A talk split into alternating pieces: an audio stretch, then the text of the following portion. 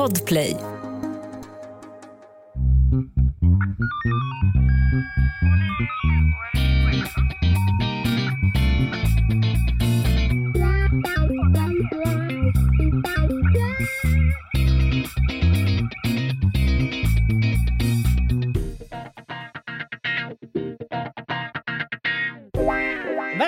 Välkomna till krimpoddarnas krimpodd Över min döda kropp.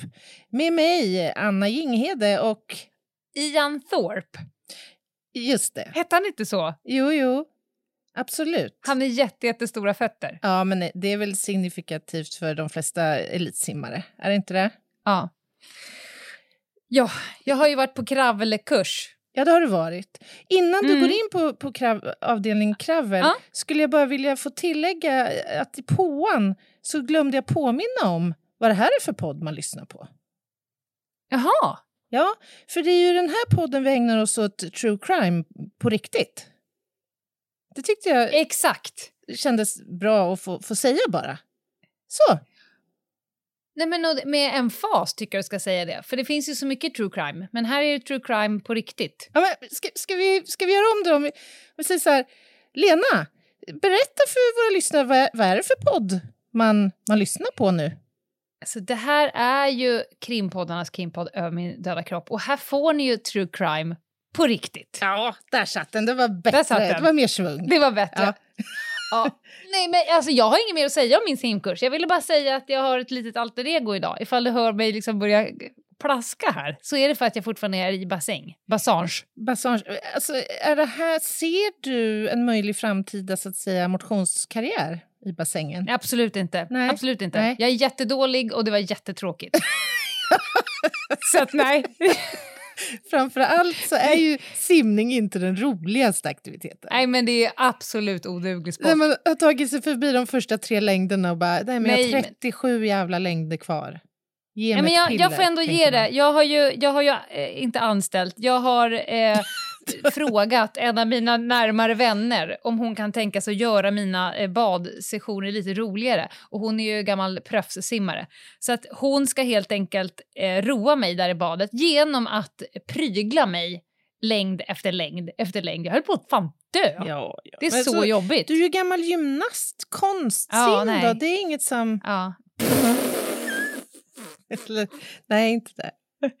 Du, jag kan tala om för att när jag, tar, när jag dyker då ska man egentligen ha eh, viktbälte på sig och sen på viktbältet ska du ha massa kilon. Aha. Ja, för att liksom eh, hålla ner, du har ju luft i västen och sådär.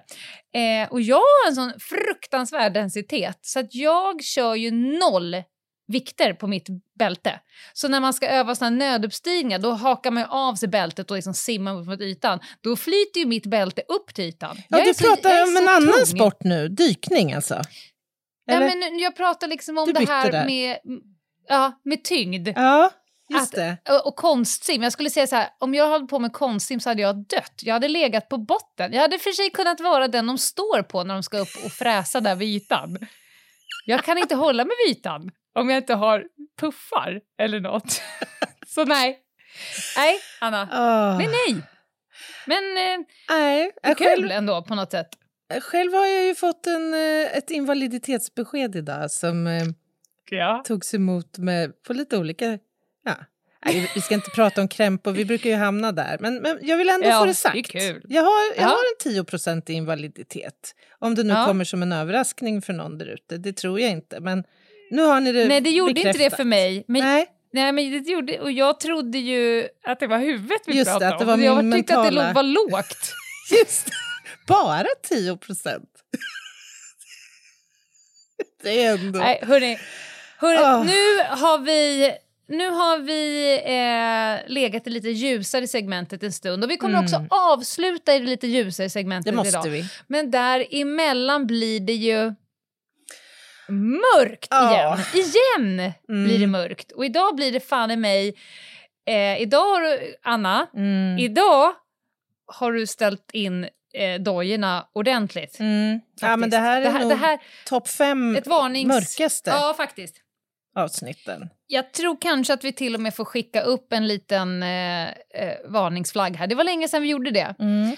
Om du befinner dig i en situation där livet redan är väldigt dystert. Och det kan det vara av olika anledningar. Mm. Eller att du precis just nu eh, inte klarar av mer eh, misär. Då skulle jag kanske tipsa om att eh, pausa lite grann. Mm. Eller så tar du igenom det här. För vi har ju varit här förr, inte kanske precis just här. Eh, och den vanligaste feedbacken vi får är fy fan vad hemskt, men åh vad glad jag är att ni återigen tar er an ett ämne som är potentiellt alldeles för jobbigt men lägg, lägger er på rätt ton. Och det är ju, vi lägger rätt stor vikt vid att hamna där, så vi diskuterar ju igenom ordentligt så här, vad kan vi ta med, hur ska vi angripa det här och så vidare. Och eh, även idag kommer det här gå jättebra. Vi gör det tillsammans, Mm. men det är ett för viktigt ämne för att backa ifrån. Och nu, Anna, får du ge oss en ingress på vad är det vi ska prata om, eller vad är det du ska prata om idag? Ja, men vi ska prata om en eh, brottsföreteelse som nog för många människor betraktas som en av de allra värsta gärningarna. Makabra, ja. Och makabra. Eh, det som brukar beskrivas som familicid, alternativt Mm. familjemord. Man kan till och med se eh, benämningen familjeutrotning i viss eh, litteratur. Ja, alltså det här är, Utvidgat självmord tror jag folk slänger sig med, men de, eh, då, det blir lite för smalt. Men det, det är vissa säger det om det här. Alltså att Ja. jag tar inte bara livet av mig själv utan med, med andra också. Fast det betyder inte riktigt det. Nej, det gör det inte. Och det beror på att det är inte alla de här förövarna som tar sitt liv i samband med gärningen. Eh, Det finns lite olika statistik här. Lite drygt hälften eh, såg jag eh, i en av de senare studierna jag har läst av de förövarna. Mm. Eh, oftast eh, manliga förövare, nästan alltid män skulle jag vilja säga. Handlar det om. Mm. Som Men alltså, inte alla män. in, absolut inte alla män. Det ska vi vara Nej, väldigt nej. noga med. Och Men bara Kanske, män. det är kanske är bra att vi tydliggör det då på en gång så Ja. vi inte ja, får en backlash Nej. där så att säga. Nej, men bara inte män. Ja, uteslutande män. Det, det är Mm. betydligt vanligare. Det finns eh, anekdotiska eh, exempel. Det finns några fall eh, runt om i världen där det handlar om kvinnor som begår dessa, dessa fasansfulla gärningar. Men det är nästan bara män det handlar om här. Mm. Och vad gör dessa män då eh, definitionsmässigt för att det ska vara fråga om familicid? Jo, man mördar då sin, vanligen en maka, en hustru eller en fru eller en sambo eller en partner eller mamman till ens barn. Tillika ett eller flera barn i samma familj. Ibland en Man hel familj. en familj. Man utrotar en Mm. familj.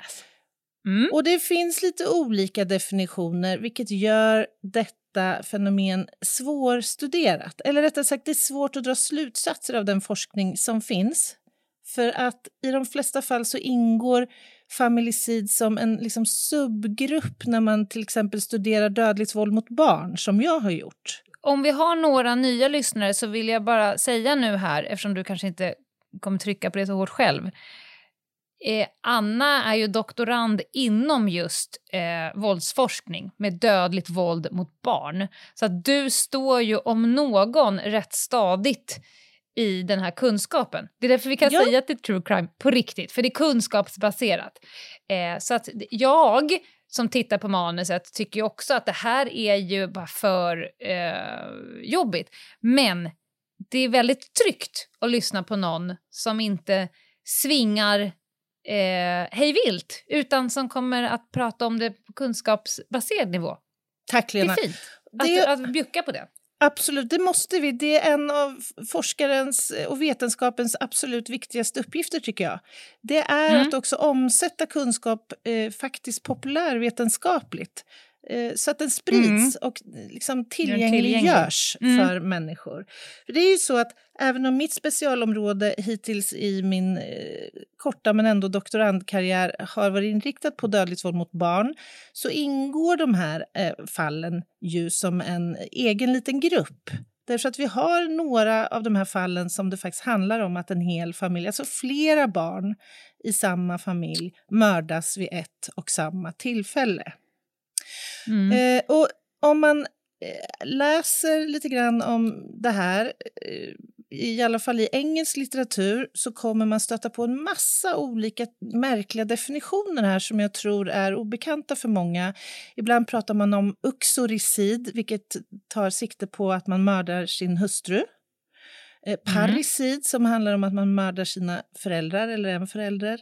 Siblicid, som tar sikte på mord på syskon. ett syskon. Och filicid, mm. som handlar om en biologisk förälders eller vårdnadshavares mord på sitt barn. Så alla de här begreppen, och det finns, den här listan kan göras jättelång, men de in, ingår liksom ofta som subkomponenter i de här mm. fallen, mm. kan man säga. Och vad, vad karaktäriserar de här eh, fallen mer då? Ja, ofta handlar det om faktiskt ganska våldsamma metoder. Eh, alltså att utöva våldet och själva gärningen. Skjutvapen, vanligt. Kniv, vanligt. Det finns också exempel av kvävning, strypning och sådär. Men ofta skjutvapen och kniv. Och det vet vi ju, eh, det är ju liksom ett känt fenomen att män, när män mördar så, så tillämpas ofta mer aggressiva metoder, och särskilt när det gäller mord på barn, än när kvinnor mm. mördar barn. Och, hur, bara en passus, hur gör kvinnor? Ja, men oftare så handlar det om mer invasiva och aggressiva metoder. Kvinnor, när det är kopplat till mord på barn, förknippas ju främst med mord på de allra minsta barnen. De här barnen Aha. som är nyfödda eller någon eller några dagar gamla. Och då, är det andningsvägar? Då är det ofta fråga om andningsvägar, en kudde ja. över eh, andningsvägen eller ja, ni förstår. Mm. Mm. Och när det gäller familjicid, så vi nämnde det att det är ju i huvudsak en manlig företeelse och eh, det vux, andra så att säga, vuxna offret är nästan alltid en kvinna. Den mesta forskning utgår ju från eh, heteronormativa eh, föräldrarelationer eh, och forskningen vad gäller samkönade relationer är inte lika utbredd. Så att, eh, det kan inte uteslutas att det såklart Nej kan vara fråga om samkönade familjecidfall också. Mm. Eh, och det är såklart svårstuderat av olika skäl. Dels så är det lyckligtvis eh, ett, eh, en händelse som inte sker särskilt ofta, vilket ju vi ska vara oerhört eh, glada över. Eh, vilket gör att fallen blir få, så att du behöver ha en väldigt lång studieperiod för att, så att säga, fånga upp så många fall så att det är lönt att försöka dra några slutsatser av det som vi sen kan mm. överföra på liksom i generaliserbara termer, om du förstår vad jag menar. Dessutom kan man inte titta på det prospektivt, det vill säga man kan inte eh, liksom lägga upp en studiedesign och räkna på en viss tidsperiod och tänka sig ett visst antal fall, för vi vet inte hur, liksom, när nästa fall kommer och det kan bli en jätte, jättelång tidsperiod, utan vi måste ja. titta på det retrospektivt, alltså de fall som har skett. Eh, och återigen, de här ärendena är så komplexa för att de innehåller så många olika typer av komponenter och riskfaktorer och förklaringsmodeller. Mord på barn har sin egen uppsättning motivationsfaktorer och riskfaktorer. Mord på en vuxen partner har andra. Massmord, som det ju skulle kunna eh, betraktas som, har sina eh, riskfaktorer. Så att Mm. det här är inte så att säga, enkelt att med forskningens hjälp liksom bli riktigt eh, klok på. Eh, och man kan fundera på hur vanligt är det här då? Eh, ja, mot bakgrund av det jag just sa, att det är ett svårstuderat fenomen, så finns inte så mycket statistik att luta sig mot. Men jag har ju tittat på 20 års fall av dödligt våld mot barn Eh, och eftersom mm. mordet på, på barnet eller barnen ingår som ett kriterium för att det ska vara fråga om ett familicid så kan man ändå någonstans räkna med att jag torde ha fångat upp de flesta under min studieperiod. Eh, och jag kan räkna grovt till sju fall under 20 års tid. Så någonstans vartannat, vart tredje år så har vi en sån här händelse. Sen kan det tänkas att de här, några fall hamnar utanför statistiken på grund av att en make eller maka då överlever till exempel. Så att det, det liksom uppfyller inte kriterierna. Så. Eh, eller ett barn ju... överlever, ska jag säga. Mm. Jag ser ju inte adresserna, jag ser städerna som du har skrivit. där de skulle vara Mm, aktiva, eller där det skulle ha hänt. precis. En av dem tror jag att jag minns, för då tror jag att jag jobbade i det området. För Mm. det är, en, det är sånt där ärende jag aldrig kommer glömma. Nej, och jag eh, har ju att förhålla mig till forskningsetiska regler. Jag kommer inte gå in i detaljer kring de här fallen. Däremot ska jag säga att samtliga dessa har omskrivits i media. Hela förundersökningar ligger ute därför att de blir ju så uppmärksammade när de, Såklart. när de sker eh, av förklarliga skäl. Det jag kan säga är att eh, något eller några av dessa fall inbegriper båda föräldrarna. Alltså att båda föräldrarna har tillsammans beslutat att ta livet av sina barn och därefter sig själva. Så det är liksom en variant då av familicidet, eller familiciddefinitionen. Mm. Sen ska jag säga att Ehm, det är ju betydligt vanligare att en förälder mördar sitt eller sina barn men avstår från att mörda den andra föräldern. Eh, så att då har vi ju att göra med de här filicidfallen. Är du med? Ja, jag är med. Jag har bara så svårt att, att, att greppa de här grejerna. Hur, hur mår du när du sitter och läser de här fallen? Vad det jag hamnade i nu. Ja, men det är en jättebra fråga och jag har ju naturligtvis fått den förut. Och jag kan säga att jag har haft stunder, jag, jag minns så väl vid ett tillfälle när jag satt med några av de här absolut mest brutala och fasansfulla eh, fallen. Då ringde de från, då gick Sixten i första klass. Då ringde de Mm. från skolan och sa att Sixten har ramlat från en klätterställning nere i backen. Och då satt jag på, på tågstationen och väntade på ett tåg. Och då var det Mm. som att fördämningarna brast. Då var det helt plötsligt min egen unges sårbarhet som ställde sig liksom som bjärt kontrast till Ja. de här ungarna som inte längre lever, som har utsatts för liksom mest... Nej. Alltså förstår du, att det blev en sån... Det kom Ja. för nära. Och jag, det öppnade alla eh, tårkanaler jag har liksom, och fördämningar, så att jag satt och grät själv som ett litet barn på den där perrongen. Men samtidigt, jag har ju hållit på med det här nu ett antal år och jag måste säga att ju mer jag förstår och lär mig, desto viktigare förstår jag också att jag måste fullfölja.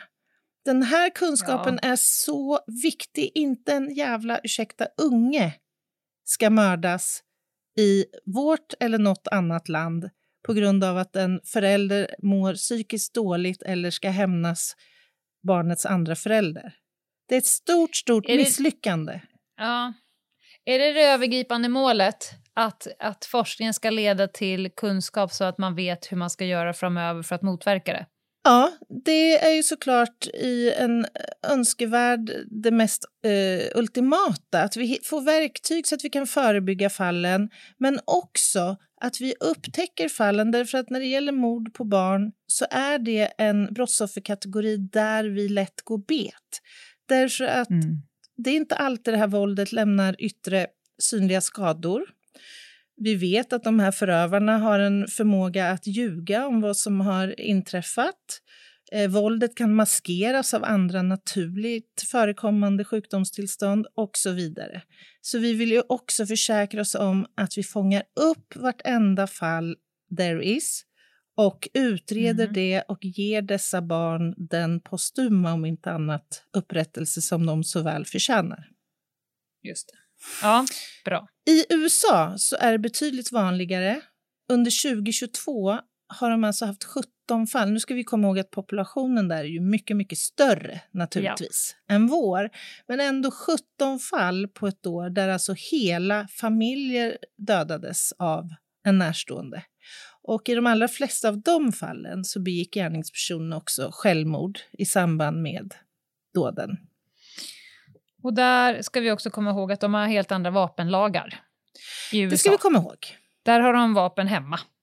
Yes, och det är Mm. väl ett faktum egentligen att valet av våldsmetod såklart styrs av var i världen man Ja. är boende, vad som är kulturellt, socialt, eh, juridiskt och på andra sätt eh, mer liksom betingat. Eller förut- Ja, men- vilka förutsättningar som finns. Ja, det är bara att jämföra med skolattackerna. De genomförs ju med vapen i USA. Såklart. Och de allra flesta av de skolattackerna görs med vapen som folk har handlat på legal väg. Mm. Eh, Så att det, det, ja, jag förstår. Kanske passar det med en liten andningspaus här. Det vore eh, rimligt. Ett poddtips från Podplay. I podden Något Kaiko garanterar östgötarna Brutti och jag, Davva, dig en stor dos skratt.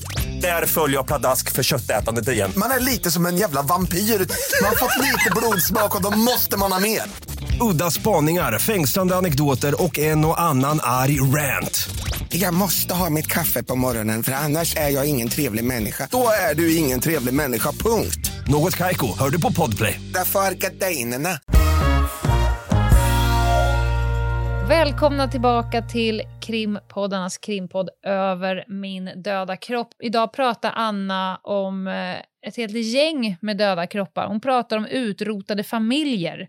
Kanske i de fallen där någon i familjen har tagit beslutet, oftast pappan, att eh, döda barnen och kanske barnens mamma och ibland även sig själv. Mm. Där är vi. Där är vi. Och jag tänkte vi skulle närma oss eh, ett sånt här exempel hur dystert eh, det än må vara. Och jag tänker inte prata om något av de fall som jag själv har fördjupad kunskap om. Men jag tänker Nej. berätta om fallet Abel Isaksson som är sånt här fall som jag har liksom hört talas om men som är lite höljt i dunkel för det är väldigt svårt att få tag i information om det. Det finns naturligtvis eh, på Kungliga biblioteket och på mikrofilm och så mer att hämta. Men jag tänkte bara kort eh, dra det för att illustrera hur det kan se ut. Det här var ju en händelse som utspelade sig på 60-talet eh, i Uppsala och det är en händelse som såklart chockade inte bara Uppsala stad, hela stad, utan även en hel studentnation, akademin, kyrkan och en massa andra grupper. Eh, Vi pratar om långfredagen den eh, 8 april 1966 och huvudpersonen i eh, denna makabra historia är 43-åriga eh, teologidoktor. Ja, han var doktor vid, eh, faktiskt vid tillfället för, för gärningen och präst Johan Anton Abel Isaksson. Han var född på 20-talet i Norrland där han också var verksam som eh, präst både i Kiruna och i Luleå under 50-talet. Men han kom att flytta senare till Uppsala eh, och ingick äktenskap med sin hustru. Och han var där lärare vid Stockholms teologiska institut och verksam som präst. Och Isaksson, jag har läst lite så här, omskrivningar om honom och jag uppfatt, har uppfattat honom som en yrkesskicklig person. Eh, han var känd för att ge ganska frispråkiga predikningar och sådär. Och, och han hade mycket konfirmationsklasser och, och där var han ofta inriktad på eh, liksom, eh, biologi och sexualitet och sådär. Men det var inget som jag uppfattat som, som stötande eller så, utan mer som att han han ville bidra med kunskap och lärande till unga eh, människor. Eh, och han betraktades som en oerhört respekterad eh, samhällsmedborgare som alltså slet väldigt, väldigt hårt med doktorandstudier för att då avlägga sin den här doktorsexamen som han sen då hade vid tidpunkten för, för brottet. Han bodde på Murargatan i Uppsala tillsammans då med sin hustru Berit och fyra barn i åldrarna 1 till 10 år. Och det var så här att på långfredagen då, 1966 så hade familjen planerat en, en skogsutflykt. Och man skulle grilla och tända brasa och allt det där. Så Isaksson gick till lokala varuhuset och köpte sig en yxa och en kniv för detta ändamål. Men så händer det då någonting natten mot långfredagen. Han ska i förhör senare säga att han förvarade yxan och kniven i en påse bredvid sängen och att han vaknade vid tretiden på alltså långfredagens eh, morgon då och då hört röster som har uppmanat honom att mörda hela sin familj. Och det är också vad som sker. Han, han dräper alltså alla sina barn och sin hustru när de sover med yxan och med kniven. Och avsikten var att han också skulle ta sitt liv, så han hade skrivit avskedsbrev. Han skar sig djupt och svårt i sina handleder, men han överlever detta. Han blöder naturligtvis ur mycket, men han, han avlider inte och slår larm och sedermera grips. Men, men stopp och belägg. Mm. Mell, mellan han vaknar och hör röster att han måste mörda sin familj och han gör det Mm. så har han också varit vid tillräckligt sinnesfulla bruk för att sätta sig och skriva avskedsbrev. Mm. Det beskrivs att han gör det efter att han har skurit sig, så som att i väntan på döden. Att det ska Mhm. ske. Men döden infaller aldrig, utan han överlever detta. Eh, ju.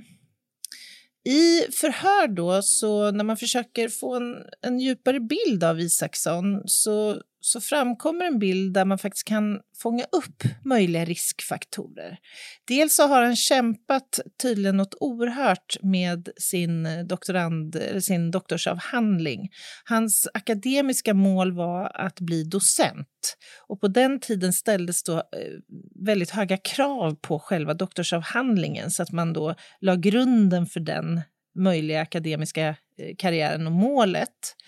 Och i samband med att han arbetade med detta på nätterna och så där så lär han ha utvecklat ett narkotikamissbruk.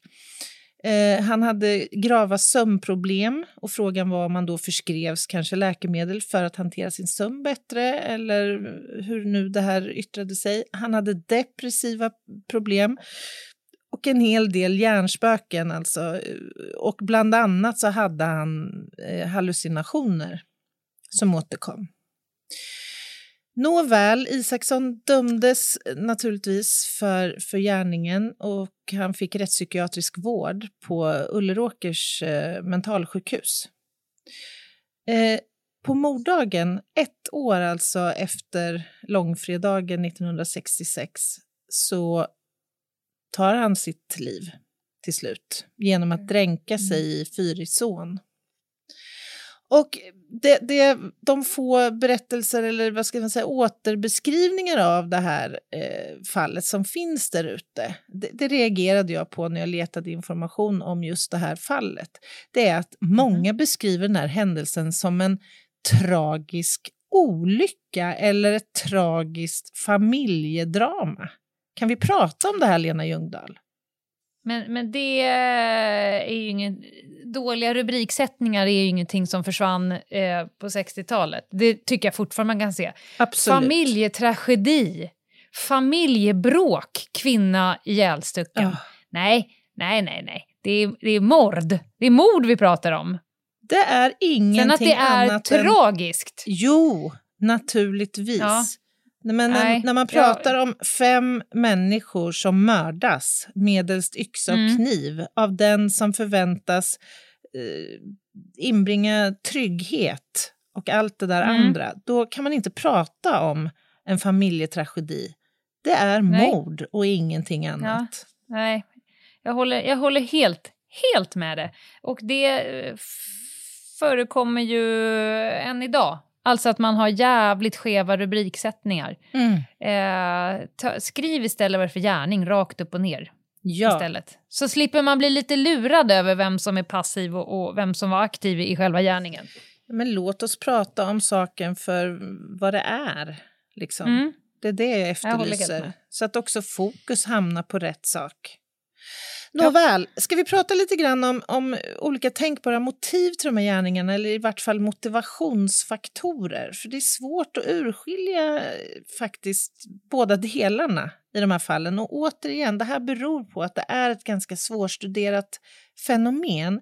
Men jag har gått till litteraturen, eller jag kan den här litteraturen ganska väl för jag, jag har Mm. Det är tvingats ta in den så att säga. Ja. Man vill ju gärna tro att alla är psykiskt sjuka. Att det inte ska gå annars. Eller hur? Och varför är det Ja. så? Är det för att vi har lättare så att säga att, att förhålla oss till att det kan bli så fel? Liksom? Är det därför? Jag, jag, jag tror att om en person eh, visar sig inte vara psykiskt sjuk, Mm. nu kommer min gissnings... Ja. Eh, ett smatterband av gissning här. Om en person är liksom eh, kliniskt juridiskt psykiskt sjuk, då blir det så här, jaha, alltså man vill så jävla gärna ha en förklaring. Mm. Och den jag vill ha ska ligga väldigt långt ifrån mig själv. Mm. Om Mm. det är en person, en man mellan 30 och 40 år som eh, vaknar på natten och slaktar sin familj, Mm. mördar hela, och personen inte visar sig vara psykiskt sjuk, utan var en, en du beskrev ju han Abel, eller vad han Mm, hette, mm. som en tämligen välfungerande person Mm. fram till han vaknade upp och hörde röster. Om den personen inte då skulle ha varit psykiskt sjuk, då, då kan ju det i förlängningen betyda att vad fan, kan jag också vakna upp och bli Just det. det. Och, eh, och man vill ju väldigt gärna eh, särskilja sig själv från människor som begår gärningar som jag inte vill liksom, lägga Mm. på min palett. Mm. Det är en klassiker. Om någon har våldtagit, ja, men det, han måste vara psykiskt sjuk eller ett Mm. djur. Eller du vet, så här, eh, man vill ju hitta någon form av förklaring som gör att du blir väldigt långt ifrån mig. Mm. Ja, just det. Just det, den här demoniseringsgrejen ska Exakt. hamna så långt bort ifrån en själv som Jag tror möjligt. det är naturligt. Ja, det är rimligt. Jag, jag köper det fullt, av, fullt ut. Och, och ehm, du nämnde det här med att eh, Isaksson betraktades som en välfungerande så att säga, familjefader som var eh, djupt involverad i sin akademiska karriär och, och allt det där. Och, och jag Mm. måste tyvärr medge att flera av de fall jag själv känner till så, så är det lite samma fenomen. Att de här förövarna Mm. beskrivs som fina familjefäder utan någon uppenbara liksom, tecken på psykisk ohälsa. Men det är ju faktiskt så att man kan inte utesluta att det har funnits där obehandlat men att det ändå har Nej. fungerat socialt på jobbet och, och allt det där.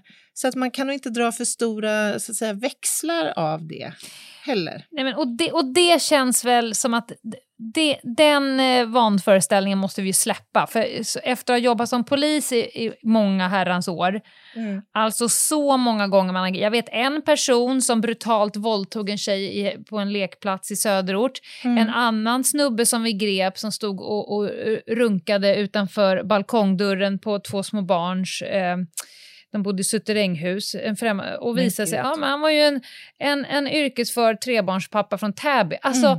vi måste släppa föreställningen att man ska kunna se Mm. på människor vad de har för, no, för, för något mörker i sig. Mm. Det är alla jävlar, i Mm. alla kontexter, i alla samhällsklasser, alla intellektuella samhällsklass eller eh, liksom, Mm. eh, förutsättningar och så vidare. Det går liksom inte att se på folk. Jag, tror, jag tror att man kan sammanfatta det som att det inte är en homogen grupp förövare. Nej. Utan det är en grupp som, som uppvisar helt olika personliga eh, liksom, egenskaper och Mm. riskfaktorer och allt det där. Eh, Mm. Men om man tittar på några ändå hyggligt nya studier så vill jag nämna en som Maillot 2014 eh, gjorde med medarbetare. Och då studerade man familicid i USA, Kanada, Holland och Storbritannien. Och där konstaterar man att eh, man försökte då ringa in några såna här eh, faktorer som återkommer. Och där konstaterar man att det var oftast fråga om män eh, och makar som har ett behov eller hade haft ett behov av att utöva kontroll och eh, makt över sin familj. De hade ofta tidigare uppvisat våldsbeteenden och våldsutsatthet själva under sin eh, uppväxt och sådär. Och dessutom såg man ofta att det förelåg en ekonomisk stress sett då till eh, arbetslöshet och ja, eh, ekonomiska förhållanden helt enkelt. Eh, Mhm. Men om man kliver fram några år i tiden och tittar på AHOS Eh, med medarbetares studier där man tittade på bakgrundsfaktorer i de här fallen eh, som hade skett i uteslutande västerländer så såg man att förövarna tvärtom var ofta högutbildade men eh, de var överrepresenterade vad gäller psykisk instabilitet och särskilt i form av depressiva problem och personlighetsstörningar, ibland komplicerat av missbruk. Och många hade tidigare sökt hjälp för psykiska problem. Men återigen, kom ihåg nu, nota bene, att Det beror på hur man har lagt upp sina studiedesigner. Det är inte säkert att man i den första studien undersökte hur ofta de här förövarna hade sökt psyk psykiatrisk hjälp. Mm. Så att de är liksom designade på olika sätt. Det är svårt liksom att få en enhetlig bild. Och jag vill också referera lite grann till en litteraturöversikt från 2019 som då är den nyaste som Karlsson med medarbetare tittade på. I den gruppen eh, så eh, begick förövarna suicid i drygt 50 procent av fallen. Där såg man en överrepresentation av psykisk ohälsa, relationsproblem och ekonomisk utsatthet. Så det finns Relationsproblem. ja, alltså eh, vårdnadstvister, eh, pågående skilsmässa, Okej. eh, ekonomiska så att säga, mm, oegentligheter och sådär. Men även dessa författare till den studien drar slutsatsen att det är svårt att, att dra liksom säkra slutsatser om riskfaktorerna. Eh, men jag, jag skulle vilja säga att utifrån de fall som jag själv eh, känner till och har läst om, inte bara mina egna, jag på säga, inte bara de svenska utan även de i eh, andra länder, så handlar det ju ofta om, skulle jag säga, ilska, hämnd, att man vill hämnas eh, barnens mamma egentligen, att konflikten inte är riktad barnen utan det handlar om en konflikt mellan förövaren och den andra vuxna. Mm. Till exempel skilsmässa, en vårdnadstvist eller Jag tänkte Någonting säga, annat? är det, som vanlig, är det som vanligt en riskfaktor när hon vill lämna eller har uttryckt sådana tankar på att definitivt. avsluta? Och det Ja. är en riskfaktor när det gäller eh, filicid, alltså mord på Ja. barn. Eh, utan att för den sakens skull mamman nödvändigtvis behöver mördas i samma gärning. Så Om du lämnar mig nu upp. så mördar jag vå- våra barn. Ja, det är känt att alltså barnen används instrumentellt i våldet som riktas mamman. Och husdjuren. Och djuren. Helt rätt.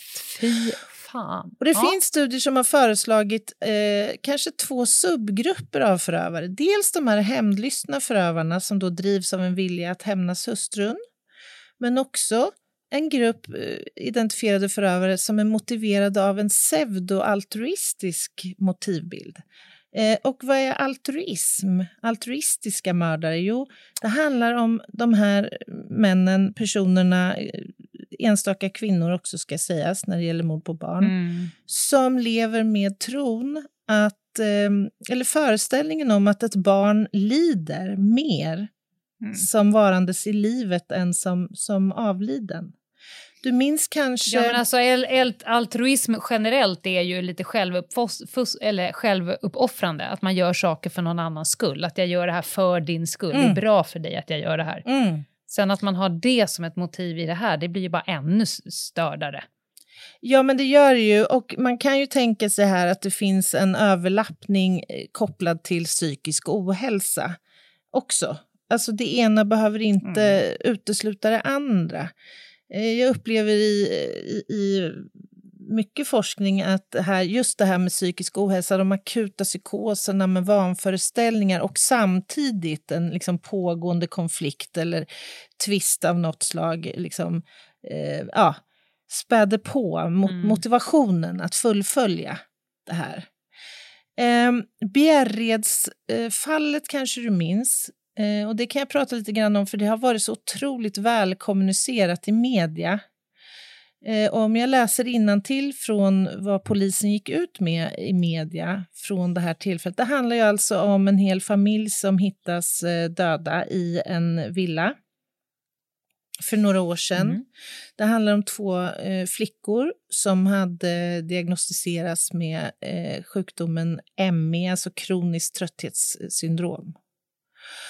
Och till media så rapporterades att det fanns ett avskedsbrev från föräldraparet som berättade att man varit överens om beslutet att avsluta sina och sina döttrars liv. Anledningen som beskrivs i brevet var att de inte såg någon livskvalitet eller framtid på grund av sina döttrars sjukdomssituation. Och det här uppvisar ju då altruistiska eller pseudo-altruistiska inslag därför att det Ja. fanns kanske eh, hjälp såklart för de här barnen att få och döden var ju inte en nödvändig utgång såklart för att kunna hjälpa den här familjen. Nej. Tittar man då på Abel Isakssons dåd så fanns det väl ganska många riskfaktorer då sett till vad, vad jag har beskrivit här, vad, vad man har hittat i annan forskning. Dels narkotika eller substansmissbruket, dels hallucinationer eh, för, kopplat då till eh, och de, depressiva problem ska sägas, som skulle mm. absolut kunna ha handlat om att han levde med psykisk ohälsa. Men det finns också faktiskt omnämnt att han var otroligt kränkt efter att ha fått kritik för sin avhandling. Han fick inte det högsta betyget på den som han behövde för att senare få bli docent under den här tidsperioden, då, eller tidseran.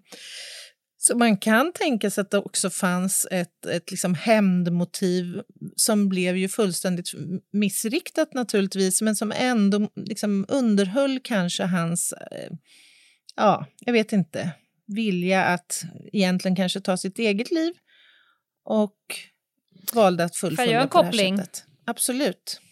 Om man tittar på radikaliseringsprocessen, mm. eh, jag återgår då till liksom mitt djupområde med, med skolattackerna. Mm. Eh, det här med att man upplever en orättvisa, att man mm. samlar på oförrätter. Och att, ja. det, ja, och att den utlösande faktorn oftast är en upplevd kränkning. Mm. Men att den kränkningen inte behöver ha att göra med själva upprättvisa, eller orättvisan från start. Ja, vad intressant. Att, men men att, jag, att kränkning så som att jag blir lämnad av min partner, att jag eh, blir avskedad från mitt jobb, att jag blir utkickad från skolan, avstängd och så vidare, att det mm. kan vara en upplevd kränkning som blir sista katalysatorn för någonting annat som har legat och puttrat. Det finns ju likheter när jag lyssnar på dig mellan de här ah, olika typer av radikaliseringarna. Verkligen. Skulle man, tror du man skulle kunna förhålla sig till det här fenomenet som ett resultat av någon form av radikalisering? Nej, men alltså om, man, om man tänker så här, de är ju, någonstans så har de ju glidit in, kanske inte då han som helt plötsligt bara vaknar upp och hör röster, jag vet inte hur våldsam han var innan eller kontrollerande, men om man vaggas in i någon form av våldsbejakande, om man har det som en, som en modell att lösa konflikter, mm. att utöva makt och kontroll, Mm. Eh, är våldsam och så vidare, så är ju det någon form, tycker jag, det, det är någon form av att man radikaliseras i den personlighetstypen. Liksom, mm. Typen. Och sen eh, släng på lite mediciner, lite depressioner och sen en sista eh, mm. eh, liksom kränkning. Så har man nog till slut kanske rättfärdigat sin egen våldshandling. Mm. Jag hör liksom samma sak när du pratar mm. som de jag ja, kikar på. Ja. Gud vad intressant. Men jag vet också att du ska prata om eh, om de här fallen faktiskt kan förebyggas. Men innan du ska få göra det ska vi gå på en sista paus. Yes. Ett poddtips från Podplay. I fallen jag aldrig glömmer djupdyker Hasse Aro i arbetet bakom några av Sveriges mest uppseendeväckande brottsutredningar går vi in med hemlig telefonavlyssning och, och då upplever vi att vi får en total förändring av hans beteende. Vad är det som händer nu? Vem är det som läcker? Och så säger han att jag är kriminell, jag har varit kriminell i hela mitt liv men att mörda ett barn, där går min gräns. Nya säsongen av Fallen jag aldrig glömmer på Podplay. Då är ni hjärtligt välkomna tillbaka till podden. Anna eh, har ju försökt beskriva de här fallen och eh, det som de olika studierna kan påvisa eller inte kan påvisa. Eh, men går det här på något sätt att förebygga? Eller är det bara så att vissa personer är tickande bomber och helt plötsligt bara utplånar sin, maskin, eh, sin familj av olika eh, skäl som vi knappt fattar? Ja, men alltså, liksom fallet dödligt våld mot barn, där det ofta är mm. fråga om en liksom plötslig outburst av eh, våld, eh, ja. så, så känner vi igen det när vi pratar om de här familjecidfallen. Alltså att man kan få en känsla av att det här oftast då sker till följd av ett plötsligt infall. Och det är klart att är det så, då, då är ju det här fall som är väldigt, väldigt svåra att förebygga. Samtidigt så kan man ju dra paralleller till att det dödliga våldet mot barn har ju minskat ganska drastiskt alltså sen mitten på 90-talet. Har halverats i omfattning sen, sen Varför då? mitten på 90-talet. Ja, precis. Det är det man då blir lite nyfiken på Mm. att förstå. Och det vet vi inte säkert, men det vi kan se har hänt under samma tidsperiod det är att förskrivningen av psykofarmaka har ökat. Och eh, Mm. mödravårdscentraler och barnavårdscentraler har intensifierat deras liksom, riskbedömning och kartläggning av förekomst av psykisk ohälsa hos både blivande mödrar och nyförlösta mödrar och så vidare. Det, det är några förklaringsmodeller till att det dödliga våld mot barn skulle kunna ha minskat. Alltså att genom de här insatserna har man också förebyggt mord. Och det är Vi intressant. kan konstatera att allt var inte bättre förr. Allt är inte bättre för definitivt Nej. inte. Men när det gäller familicidfallen då så behöver vi återigen eh, vända oss till forskningen för att se eh, vad man har där landat i. Eh, om det fanns så att säga eh, red flags här som man hade kunnat fånga upp så att säga innan gärningarna. Och då vänder vi oss till Hamilton eh, et al, som det heter på forskningsspråk, med medarbetare alltså. Där konstaterar man att Mm. hälften av förövarna i deras material hade alltså öppet hotat att ta sitt liv före gärningen. Och över 60 procent hade också hotat att döda det andra vuxna offret. Alltså uttalat det här på Mm. olika sätt. Verbalt, med sms, i mejl och så vidare. Så där Mm. hade det alltså funnits signaler, om man säger så. Och tittar man... 62 procent av fallen. Ja, precis. Mm, det är Och- mycket. Ja, ja, det är det verkligen. Och, eh, Alltså om man tänker på de, de organisationer som jobbar med suicidprevention, suicid, alltså kunskap om de här delarna. mm, Det är ju inte, alltså sett till det här så är det ju inte bara brottspreventivt, eh, eller det är inte bara preventivt för suicid, men det är också direkt brottspreventivt. Om man kan tänka sig att några, några av dem, väldigt få, men några av dem kanske också kommer ta med sig fler personer Mm. in i döden. Mm, helt riktigt. Och tittar man på en eh, rapport som, eh, alltså motsvarigheten till Svenska folkhälsoinstitutet i Finland har gjort, eh, där man tittade på signaler som föregick familicidfall, så fanns det i princip i samtliga dessa fall sådana signaler. Antingen sådana som tog sikte på eller som innebar att förövaren hade sökt hjälp för psykiska problem eller att självmordsbrev hade skrivits före gärningen, att man hade förändrat eh, testamenten, man hade köpt in ammunition, sökt på internet, på familicid och på olika sätt att fullfölja sin, sin gärning. Däremot var det väldigt få av dessa eh, som hade haft stöd och hjälp av socialtjänsten innan, vilket man skulle kunna tolka som att det ändå liksom i grund och botten har varit välfungerande så att säga, familjesystem. Då. Eller de har Mm. inte behövt Ja, hjälp visst. av sociala myndigheter.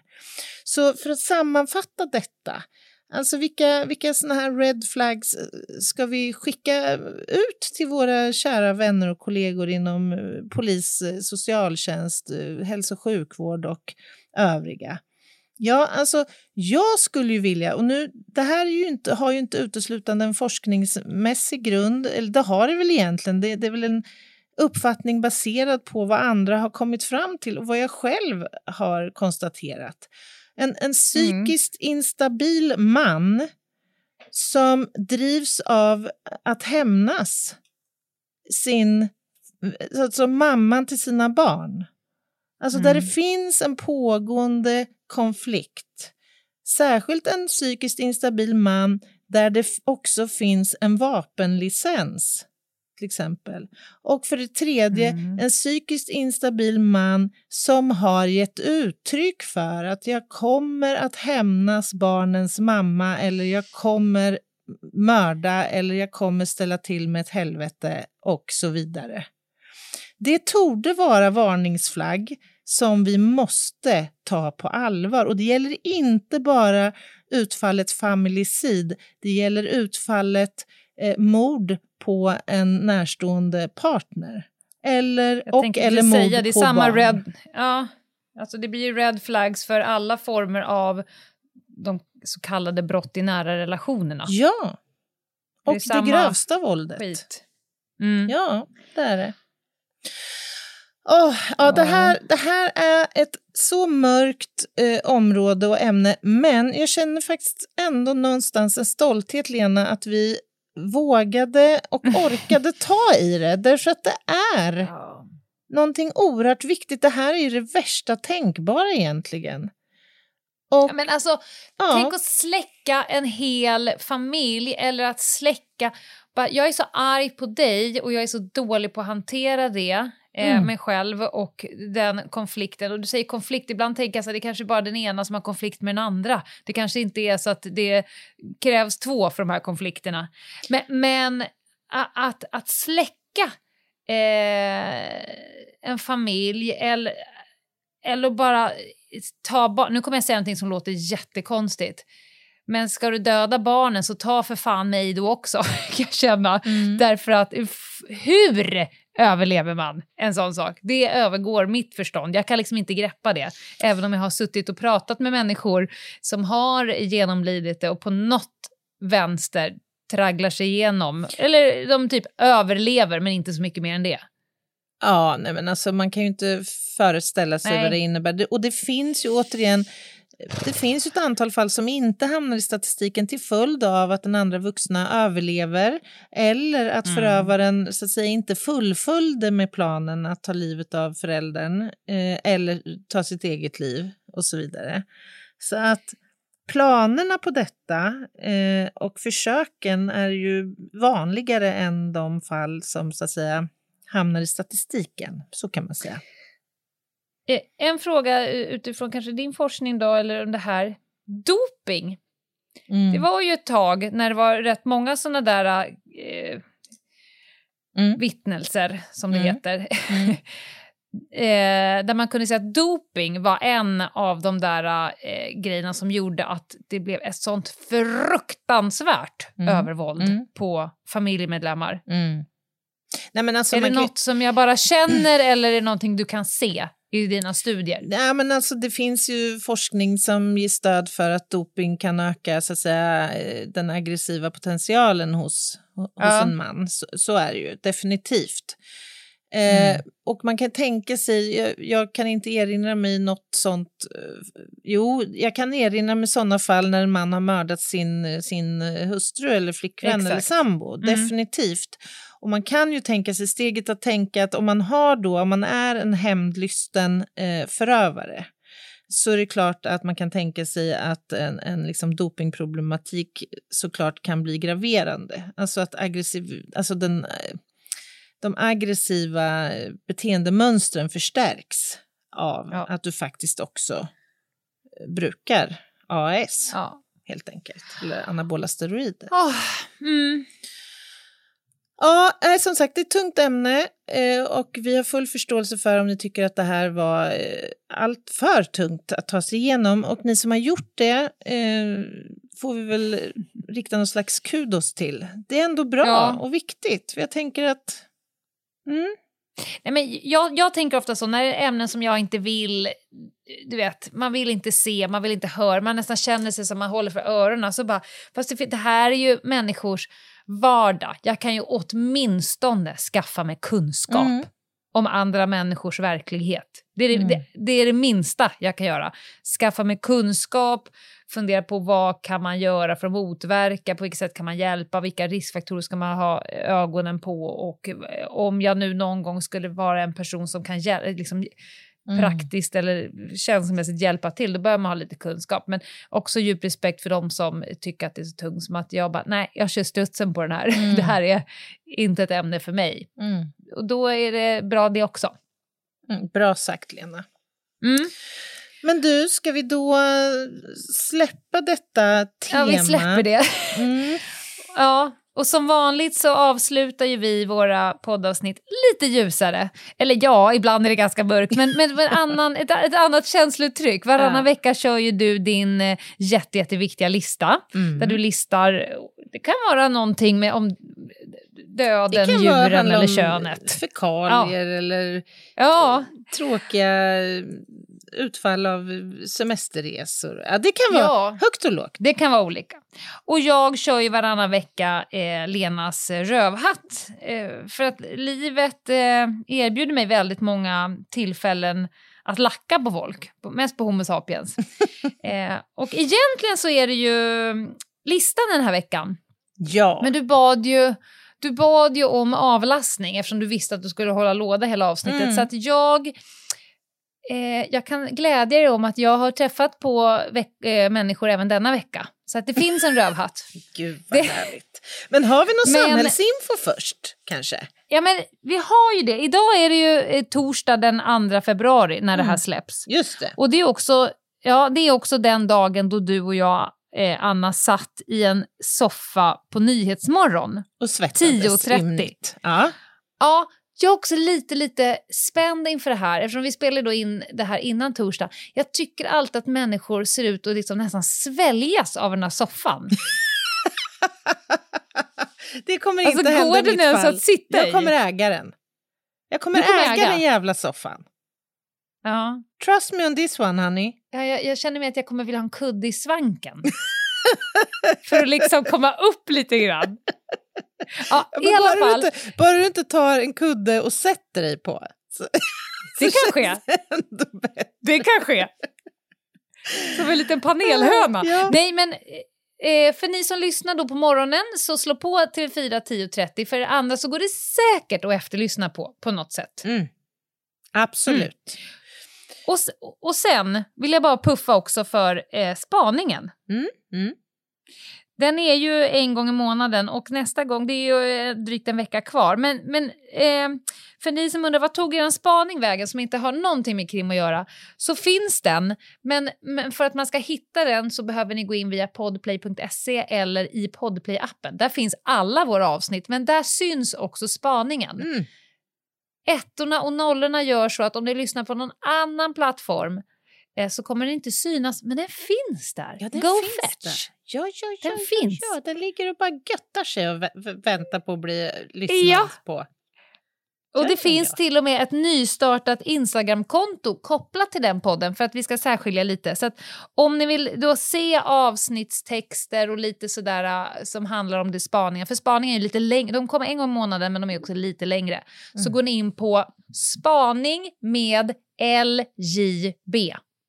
Spaning med L som är Ljugdal, J som är Ginghede och. B som är Broddare.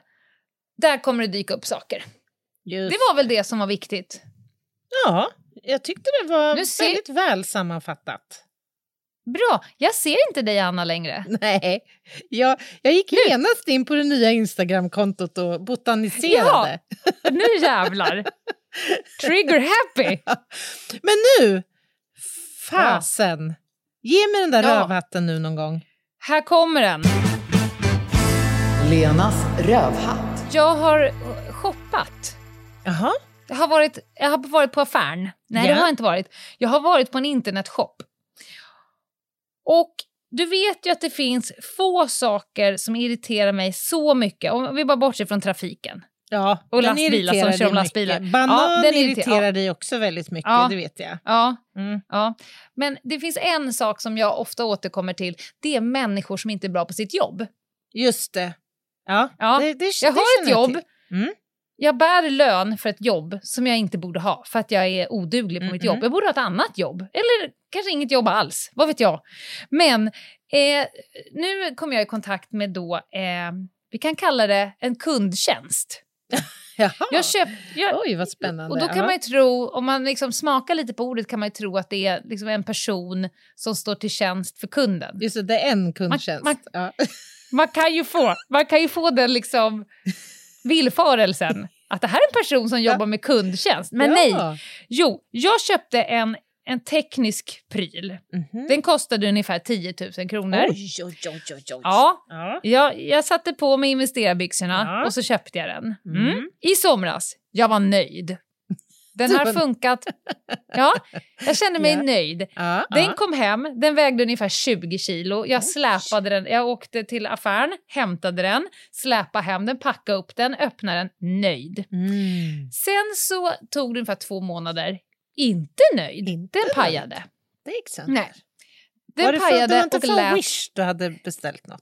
Nej, nej, Nej, nej. nej. en, en svensk butik. Tänkte verka stökigt Eh. med när jag kontaktar Wish kundtjänst. Nej, ja, ja, ja, ja, nej, nej, nej, det här fanns liksom, eh, det fanns någon på andra sidan. Ja. Så att jag, eh, den här saken börjar låta som en skördetröska. Har du sett Oj. de här Instagram-filmerna när man kastar in en stor sten i en torktumlare och låter Just den det, så att säga, skaka sönder? Det Tänk dig låter. så. Ja. Mm. Mm. Mm. Mm.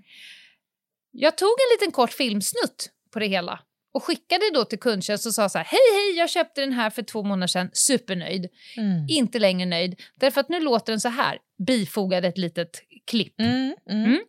Då fick jag svar så här, eh, ja, här får du returlappar, Vi, du får skicka hit den så får vår tekniker se om det är något fel på Just den. det. Man bara, Ja. "Mm, men so det kan vi väl redan. Ja. Det kan vi väl konstatera att det redan är eftersom det låter så att grannarna vaknar.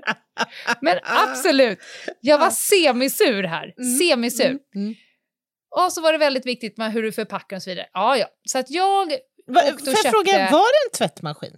Nej, det är ingen Nej. tvättmaskin. Nej, Nej, men, det, nej. men en stor ting, tinges så att säga. Ja, som den är ganska ska stor och tung. skickas. 20 Ja. kilo Ja. känns ju ändå... Ja. Ja. Jag åker och köper en kartong. Jag åker och köper massa såna här uh, fint förpackningsmaterial. Bubbelplast. Bubbelplast. Mhm. Ja, ja, ja, Mm. ja. Efter konstens alla regler. ja. Baxar nu tillbaka till postkontoret. Eh. Skickar den. Sen tar det...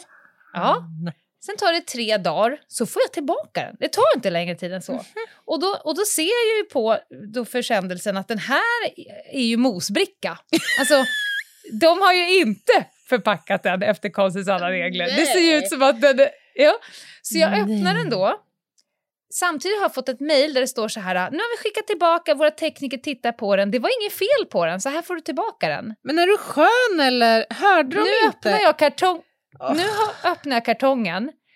Ursprungsfelet kvarstår. Plus att den är helt Den är sprucken. skadad. Alltså, den är också helt sprucken. Alltså den är helt av. Så jag står nu med en Nej. maskin som både har kvar sitt fel och är sprucken. Så då ringer jag till kundtjänst, för jag har hittills bara haft Alltså. mejlkontakt. Jaha, ja, nu är den ju sprucken. Och då säger eh, kärringjäveln så här, ja men då kanske du hade packat den dåligt när du skickade den till oss. Men, bara, så det är mitt fel? Men vänta, vänta, vänta. Och så tog jag då upp det Nej, förra nej, mejlet. Fast nej. ni skrev ju alldeles nyss till mig att ni har tittat på den och att den var felfri. Nej, men, alltså, Så nu kan inte du köra med att jag har förstört den när jag skickade till er, för den har ju uppenbarligen varit nu är hos den er. inte felfri. Nej, och du har skrivit till mig att den var felfri när den kom till er. Så den där jävla förklaringen kan du stoppa upp i röven. Nu var jag inte längre semisur. Jaha, då får jag skicka en ny returblankett eh, till dig så får du skicka upp den igen. Ja men den är ju för fan i lösbladssystem. Den sitter ju inte ihop längre. Vad fan ska ni med den här till? Jag skickar ett 25-bitars pussel till dig. Ja, men vad fan! Så sa nej hörru, Britt-Marie, nu kanske vi gör så att du skickar en helt ny till mig. Och så alltså- tar jag den här i återvinningen och sorterar som plast. Mm. Därför att det är ju ingenting kvar av den. Ja, men vi förpackar allt det väl. Och då rycker jag upp, alltså de har tagit en jävla kartong och i den har de, om du tänker att du tar en flyttkartong Mm. och sen så bara finmaler så det låg ju bara ett konfetti av wellpapp. Just det. Just det. Den, den väger nog- 20 kilo. Ja, där, där har du en uh, Norsaks... Nej, men du vet att när folk försöker så här, när man själv gör alla rätt, jag har betalat, det går två månader, jag mejlar, jag filmar, jag Ja. skickar snällt och jag tar tillbaka den, jag öppnar den, hör av mig och så kör de en sån här rövare. Nej men det kanske var på vägen hit det gick sönder. Men Nej, ditt men alltså, jävla pucko, De glömmer den bort... var ju hel! Ja, Jag blir galen. framförallt så glömmer de ju bort ett fundamentalt perspektiv om man jobbar med kundtjänst. Det är ju Ja. kundens perspektiv, så att säga. Ja. ja, ja nu, nu, nu är en sak till som irriterar mig oftast. Är dålig på sitt jobb och människor som underskattar mig. Det, tar mig, Ja. det funkar inte bra på mig. Nej, nej. Nej. Då blir jag så här, vänta, vänta, vänta, vänta, vänta. Jag har ju filmat den, både Ja. när den lämnade mig, ni har skrivit Ja, att den var hel när den kom fram till och nu försöker du säga att det är mitt fel. Mm. Va, va, va, var bor du någonstans? Men, Vad vad är chefen? Jag vill prata med chefen. Jag blir Karen. ja, ja, ja. Alltså, har man passerat den gränsen, då, då har man att göra Mm. med en... Alltså, då är det liksom release... När man känner att man själv är lite flammig på halsen. ja. Man, bara, man, man får ett litet, litet, litet lätt underbett. Ja. Då vet man att nu, nu Och du lite, Gunnel. lite darr på stämman. Alltså man kan skönja ett litet ett uns av darr. Vibrato. Alltså, får jag, skjuta, får jag komma med en liten lightrövhatt här? För jag känner nu att jag sitter och stampar här, för jag känner igen alla, Nej gud, alla komponenter i din erfarenhet här. Fick jag Kör. erfara inför en mycket efterlängtad fjällvistelse som infann Ja. sig direkt efter nyår, nyårsfirandet. Ja. Mm. Ja, det vet jag att du har varit iväg. Ja, det var ju ljuvligt. Men då var det så här att sonen hade ju önskat sig ett par nya Googles, ett par nya skidglasögon i julklapp. Ja. Han hade scrollat sida upp och sida ner och valt ut ett par som han så Var det gärna... spegelglas? Jajamän, blå, Såklart skimrande, var. vita Oj. var de. Ja. Ja. Eh, Och, och då visade det sig att hans älskade farbror, tillika gudfar, han Mm. hade... Farbror? Sa jag det? Det är inte hans Ja. farbror, det hittar jag på bara. Nej. Det Ja, gudfar. Men det duger. Ja, Ja. han hade då köpt dessa godingar till sonen. Mm. Han blev så glad. Tills han öppnade förpackningen och såg att det satt, så om du tänker dig som ett tefat stort som ett jävla ufo. som ett larm. Larmet. Ja, på resåren. Mm. Men ha förtröstan kära son, vi kommer att lösa detta i god tid till Det är coolt att ha i backen, ett stort larm som hänger i ena örat. Ja, visst. Ja, visst. Så vi, vi frågar ju då den, den eh, kära gudfadern, eh, var är de införskaffade? Jo, men det här är på en stor sportkedja eh, som det finns tre butiker av i, i, i byn.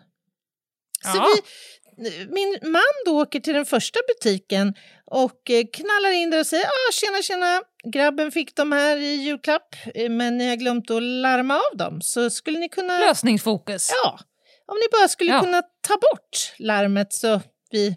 Ja.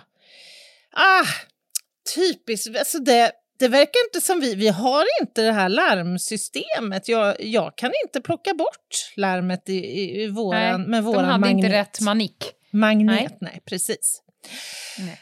Och så dagarna gick. Det var ju lite ändå eh, mellandagar där och så man kanske inte hade jättestor lust att åka till den lokala sportbutiken. Men, fan. men så var vi ändå tvungna att uträtta då lite ärenden innan avresa så dagen före så tar vi oss iväg till butik nummer två i nämnda sportkedja. Jag knallar in, kliver rätt fram till kassan. Tjena, tjena! Imorgon drar vi till Sälen. Det ska bli härligt. Eh, det är bara ett litet problem och det är eh, den här, det här lilla tefatet som då sitter i resåren på sonens eh, glasögon. Så om ni kan ta bort den bara så vi kommer iväg här så löser det här lite geschwint. Ja, hon står där då och bökar på den här magneten och säger nej, det verkar inte som vi vi har inte det här larmsystemet här, vi kan inte ta bort den här.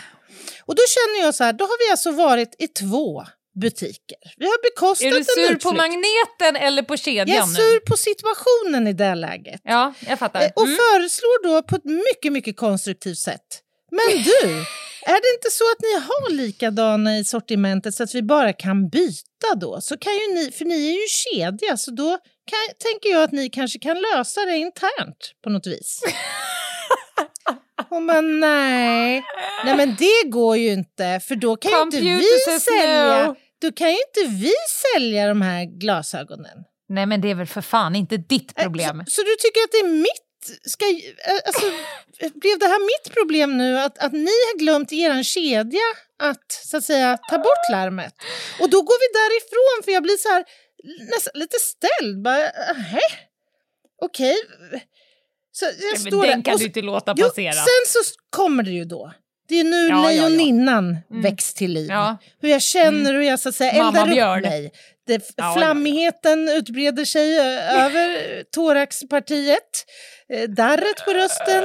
Kom, och då är jag så jävla arg. Så då går jag fram och säger så här, men vad tycker du jag ska göra då för att min son ska få åka skidor med sina nya glasögon som hans gudfar har köpt i en av era butikskedjor och som vi nu vill kunna använda? Ja, ni får ju åka tillbaka till butiken där de är inköpta. Så om gudfadern har köpt dessa glasögon i Kiruna Tycker du då, verkar det rimligt för dig att jag ska åka till Kiruna för att få bort detta tefat? Är inte det uspen med att ha en butikskedja att jag ska kunna köpa en produkt i Malmö, byta den i Norrköping eller vart fan jag vill? Och det är då Karen väcks till liv. Ja. Har du din chef här?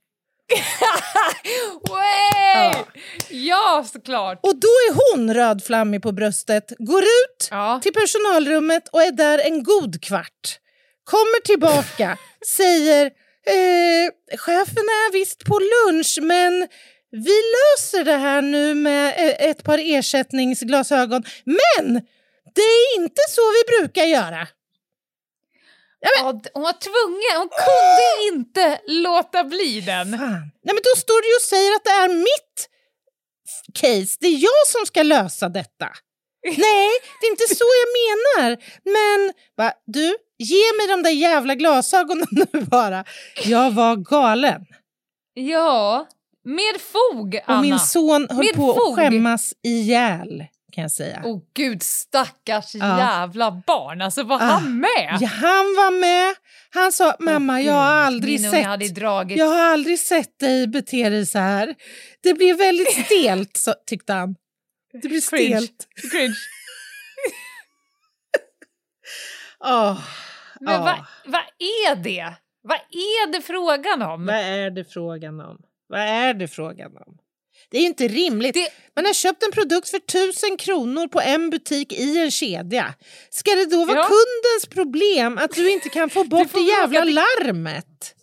Nej, skärpning. Som de själva har glömt i Ja! första läget. Men också så här, jag är också konfunderad över hur kan de bete sig som att det är deras egna plånbok som de ska hålla upp Exakt. pengar för? Exakt. Hon bara, ja du måste ju förstå, vi kan ju inte sälja. Nej, det förstår jag inte alls. För det är ju hela, det hela ert affärskoncept bygger på. Det är ju att ni har massor med butiker i landet. Du stoppar de jävla glasögonen i cirkulationskuvert och skickar det till random butik i Mellansverige så ska du se att de kommer att säljas. Lös uppgiften. Nej. Nej, nej, Nej. nej. Handlings... Det, det är nu! Det är nu! Och jag vill så gärna att jag tar fram, istället för att bli så arg som jag, som jag och uppenbarligen du blir, det är nu vi ska bli som vår kompis Viveka. Som Ja. lägger huvudet på sned och nästan viskar fram, Ja. ursäkta, eh, jag bara undrar, är du på toppen av din nivå nu eller Ja. kan jag förvänta mig ett, ett snäpp upp? Kan vi tänka oss en jag- level up? Jag vill bara veta eh, liksom vad vi har att jobba med här. Lite viskande. Alltså den är så jävla välplacerad i de här lägena. Ja, Är- är du-. Gunnel, är du på toppen av din nivå? Men för att eller det kan- skulle funka då skulle man ju behöva också samtidigt massera någon slags jävla eh, sten eller Chakra. något i fickan. Alltså, för det är ju omöjligt att plocka fram det där då. När du är så där uppbragt. Kan jag få prata med managen? Ja. Jag, älskar, jag älskar ändå att vi har i oss en varsin Ja. Karen. Ja, ja, Ja. ja, ja. ja. Nej, men vi kan väl konstatera att du fick ett par brillor Mm. och jag fick en eh, ny eh, maskin hem. Tjoff, så stod den här. För fan alltså. Ja, och, och slutsatsen man kan ändå dra av dessa båda erfarenheter det är att fan, stå på dig Ja. bara. ja. Och håll inte på att hustla när Nej. kunden har rätt. Just det. Jag har själv haft butik. Jag lärde mig att kunden har ta mig fan alltid rätt. Även om de har fel så har de rätt här. Ge hit, Ja. bye bye, hej då. Ja. Ungefär så ja. Nåväl, fan vad långt det blev. Jag Ja, blev älskar långt. att du kliver in i rövhattsljuset. Välkommen Ja, in! Jag kände att jag, fick, jag trivdes där faktiskt. Ja, Det kändes bra. jag trivdes också att se dig där. Du, du blev lite mer människa.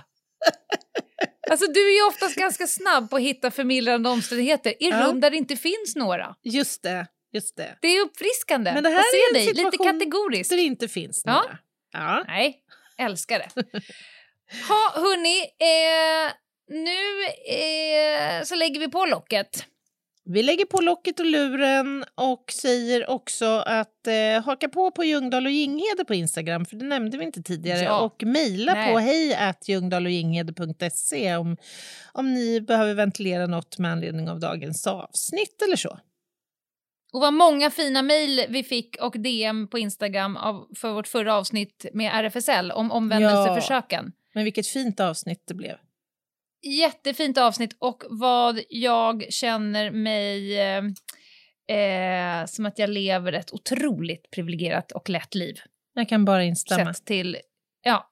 Så att en, en djup, jag, jag tar en stor portion av humble pie inför det faktum att folk har det betydligt svårare eh, med eh, sådana enkla och väsentliga saker som att bara få vara sig själv. Så att, Mm. eh, kudos till er och vi har er rygg any fucking day! Absolutely.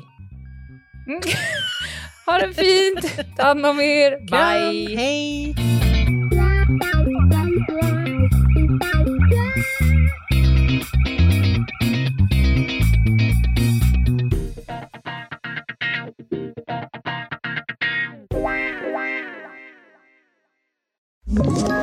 Ett poddtips från Podplay. I fallen jag aldrig glömmer djupdyker Hasse Aro i arbetet bakom några av Sveriges mest uppseendeväckande brottsutredningar.